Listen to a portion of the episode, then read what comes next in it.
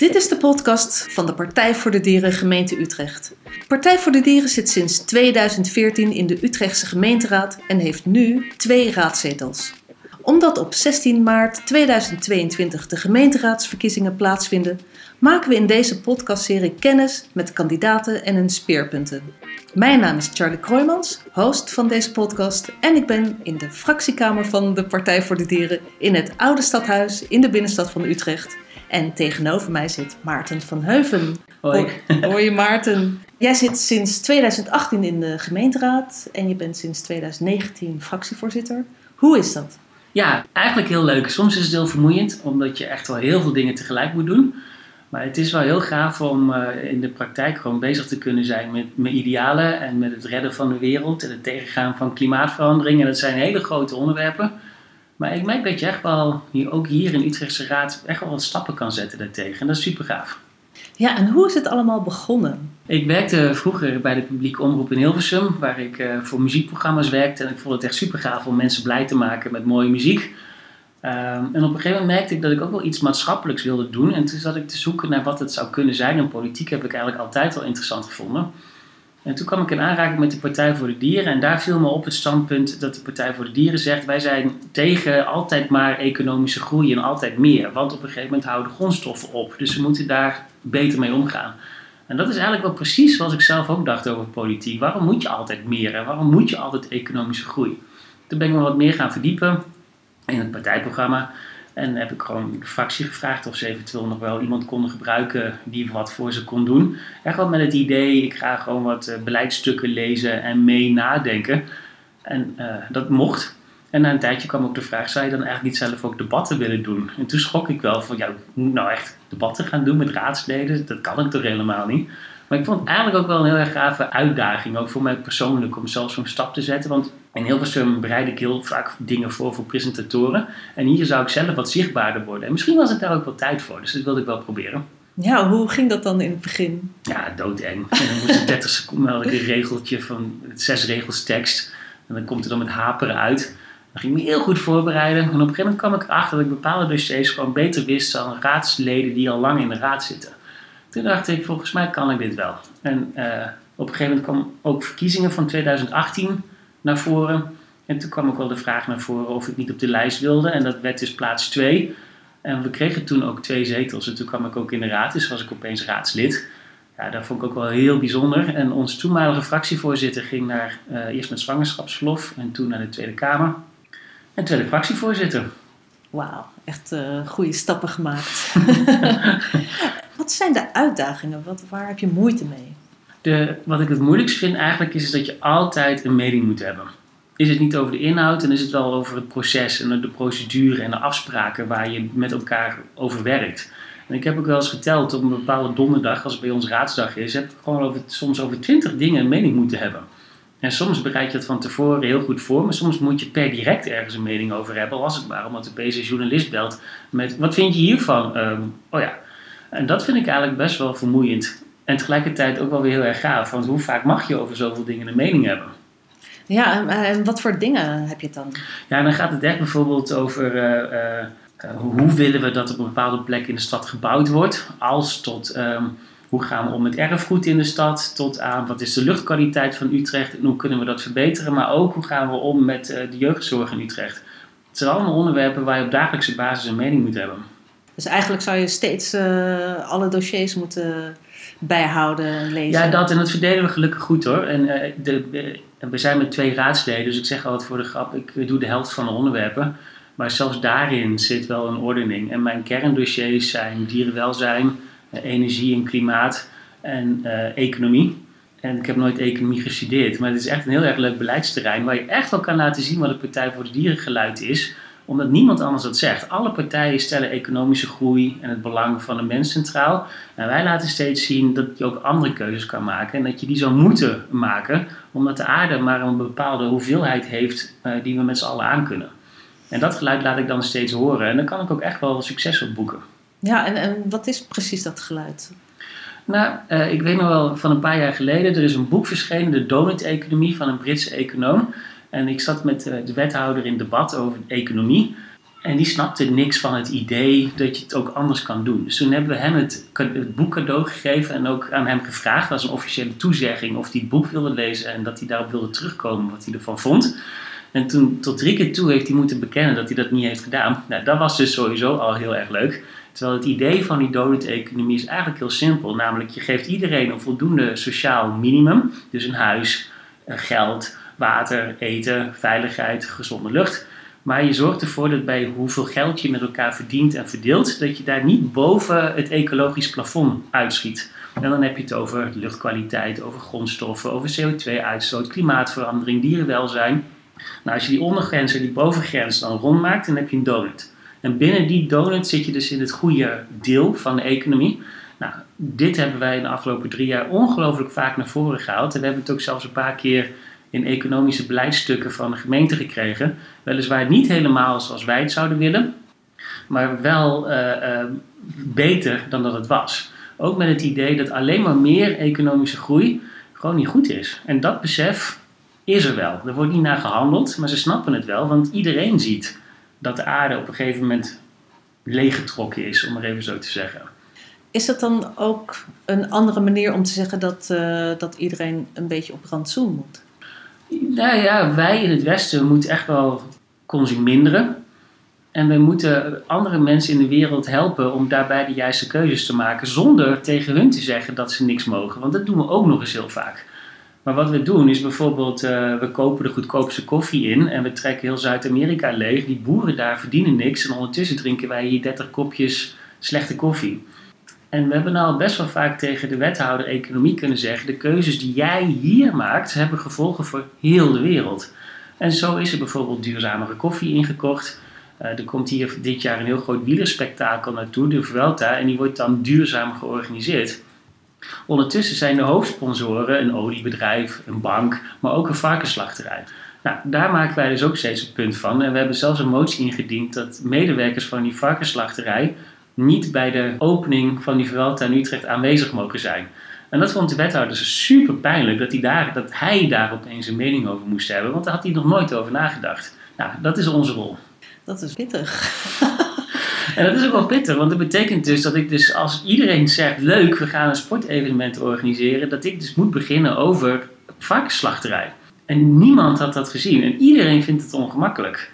Nou, hebben we dan ook maar een mening over het openbaar. Hoe wordt daar dan op gereageerd? Ja, daar is een bekend patroon voor. Mensen uh, kijken hier echt aan. Echt? Heb je het hierover? Vind je dit belangrijk? Dan op een gegeven moment gaan ze je uitlachen. Van nou, wat een stom standpunt. En dan beginnen kwartjes te vallen. Zeker als je hiermee doorgaat. Dan op een gegeven moment komt er ook wel een soort van erkenning van, nou ja, misschien hebben ze ook wel gelijk. En dat eindigt uiteindelijk, of dat kan er uiteindelijk toe leiden, dat ze het ook met ons eens zijn. Zoals Partij voor de Dieren hebben we het heel vaak gehad over hoe belangrijk het is dat je zorgvuldig omgaat met de bomen in de stad. Mijn collega Anne is daar heel vaak mee bezig. En nou begint ook de VVD uit zichzelf wel eens over bomen te spreken. En hoe belangrijk het is dat je goed met de bomen in de stad omgaat. En als je bijvoorbeeld een nieuwbouwwijk aanlegt, dat je daar voldoende bomen moet hebben. Nou, dat is natuurlijk winst. Doordat wij het al acht jaar over bomen hebben, dat andere partijen dat nou ook gaan doen. En, en wat zijn jouw successen van de afgelopen tijd?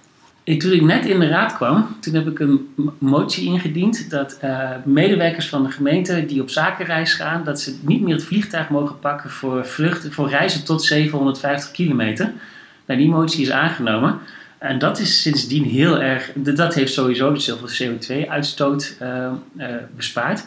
Maar dat leidt ook wel tot hele gave debatten en gesprekken over moeten mensen eigenlijk wel op zakenreis. Zeker nu we ook meer digitaal werken. Waarom moet bijvoorbeeld een wethouder naar München? En München is 780 kilometer. En er was een wethouder die zei: Ja, het is 780 kilometer, dus mag ik met het vliegtuig, want mijn agenda staat het niet toe. Nou, dan kan je gelijk daar weer een, een, een uh, een gesprek over aangaan. Over moet je dan je agenda niet anders gaan inrichten, zodat je wel met de trein kan gaan. En moet je niet gewoon eigenlijk niet gaan. Nou, dat is een groot succes geweest. Ik heb, als, ik heb de gemeenteraad de klimaatcrisis laten uitroepen. Dat vonden sommige mensen een symbolische daad, maar het is uiteindelijk een heel mooi instrument gebleken waarmee je er steeds terug kan komen op het feit, wij hebben nou geaccepteerd, we hebben gerealiseerd dat er een klimaatcrisis is. Dus laten we nou beleid gaan ontwikkelen om verder opwarming te voorkomen. Dat is echt ook een heel mooi resultaat geweest. In het verlengde heb ik ook een initiatiefvoorstel aangenomen gekregen om fossiele reclame te verbieden in de openbare ruimte. Dat was wel heel erg interessant. Het heeft me een jaar tijd gekost om met een mooi voorstel te komen. En reclame, fossiele reclame hebben wij gezegd is gewoon pervers. Het zet aan tot het kopen en het verbranden van nog meer fossiele brandstoffen. Dat leidt tot um, opwarming van de aarde. Het leidt ook tot een slechte luchtkwaliteit. En mensen worden daar gewoon ziek van en gaan er dood van. Nou, dat was ook een argument om iets om in te kunnen grijpen. Namelijk, je mag reclame gaan beperken als het negatieve gevolgen heeft voor de volksgezondheid. Nou, dat argument hebben we gebruikt. En verder is het ook, zouden we het ook niet normaal moeten vinden dat je voor 30 euro naar een ver land kan vliegen. En daar waren ook veel fracties voor gevoelig. Net zoals dat we ooit een keer zijn begonnen met tabak inperken, willen we nu dus fossiele reclame gaan inperken. Want dat is gewoon slecht voor iedereen. En dat moet je niet willen. Dus je merkt dat daar dus ook een normverschuiving in zit. Wat, wat doe je als, je als het niet lukt uh, uh, om een meerderheid te krijgen, om, uh, om je de ideeën door te drukken? Soms is dat heel frustrerend. Ehm, dat je echt denkt, maar dit is toch gewoon een goed idee. Hoe kan je het hier niet mee eens zijn? En daar zit dus ook iets van ongeloof bij. Ik heb een keer een debat gehad over uh, vissen, sportvissen, dat doen wij hengelen. En dat dan iemand van D66 bijvoorbeeld zegt, ja, maar wij eten toch ook vis, waarom mag ik het dan ook niet als hobby doen? Ja, gewoon omdat je vissen martelt. Denk je daar dan niet over na? Vind je dat echt niet belangrijk? En dat is dus heel frustrerend. Maar wat we dan ook altijd wel direct doen, is als nu iets niet gelukt is, dan gaan we het gewoon over een half jaar of over een jaar nog een keer proberen. Uh, de Partij voor de Dieren vervult een aanjaagfunctie. Dus heel stom gezegd, daar is de grijze massa en wij staan hier. Nou, door dingen te roepen kunnen we andere mensen in beweging krijgen. En lukt het niet om ze nu bij ons te krijgen, dan gaan we het gewoon later nog een keer proberen. En dan zijn wij de haas in de marathon. En wij brengen de rest in beweging. En soms is uh, iets agenderen al de winst zelf. Dan lukt niet iets om aangenomen te krijgen, maar je laat mensen wel ergens over nadenken. En uh, het is best vaak voorgekomen dat bepaalde moties of amendementen niet aangenomen worden, de rest. Maar dat we dan toch zien dat andere raadsleden de boodschap hebben opgepikt. Of dat het college van burgemeester en wethouders doorhebben wat we bedoelden. En dat een ander plan al veel meer in onze uh, kant is gekomen. Ja, dat is ook natuurlijk super gaaf. Komt het wel eens voor dat, uh, dat jullie echt tegenwerking krijgen?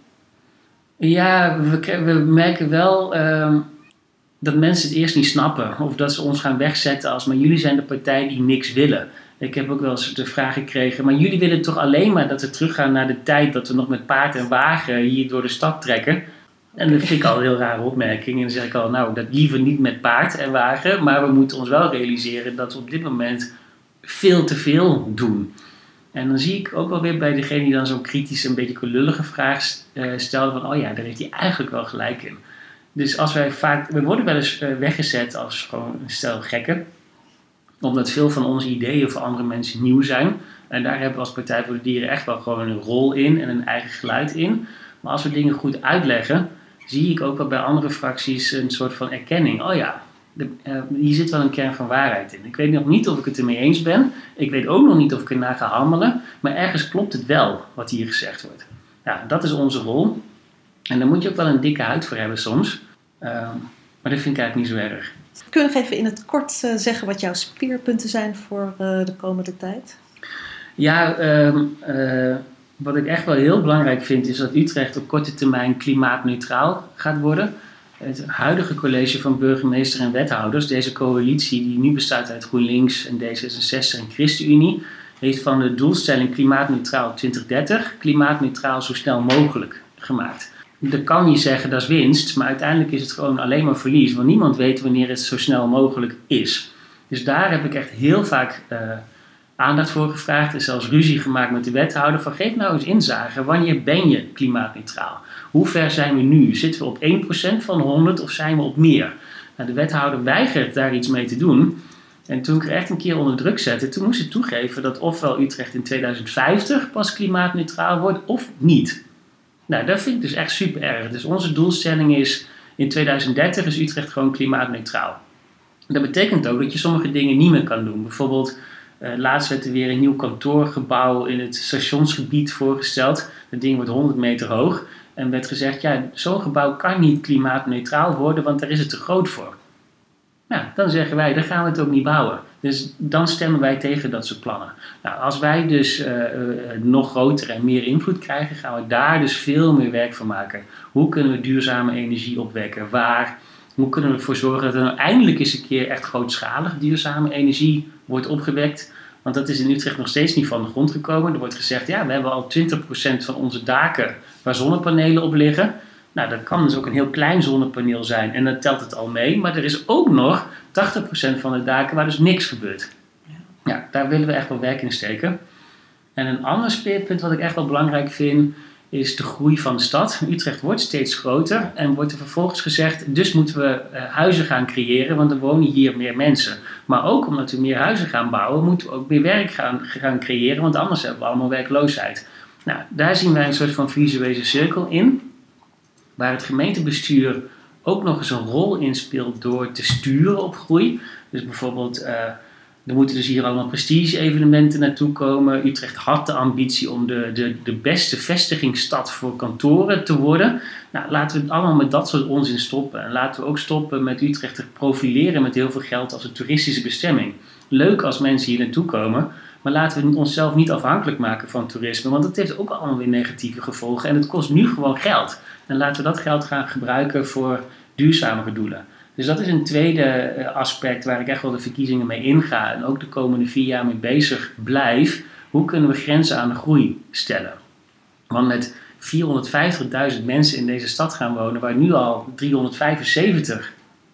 wonen, dan moet je dus echt wel heel veel gaan bijbouwen. Wordt het echt wel heel veel drukker. En dan vraag ik me af of het ook nog gezond is voor mensen.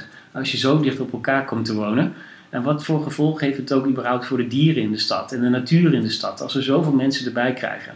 Dus wij zeggen gewoon, laten we stoppen met het sturen op groei en laten we er een prettige stad van maken voor mens, dier en natuur.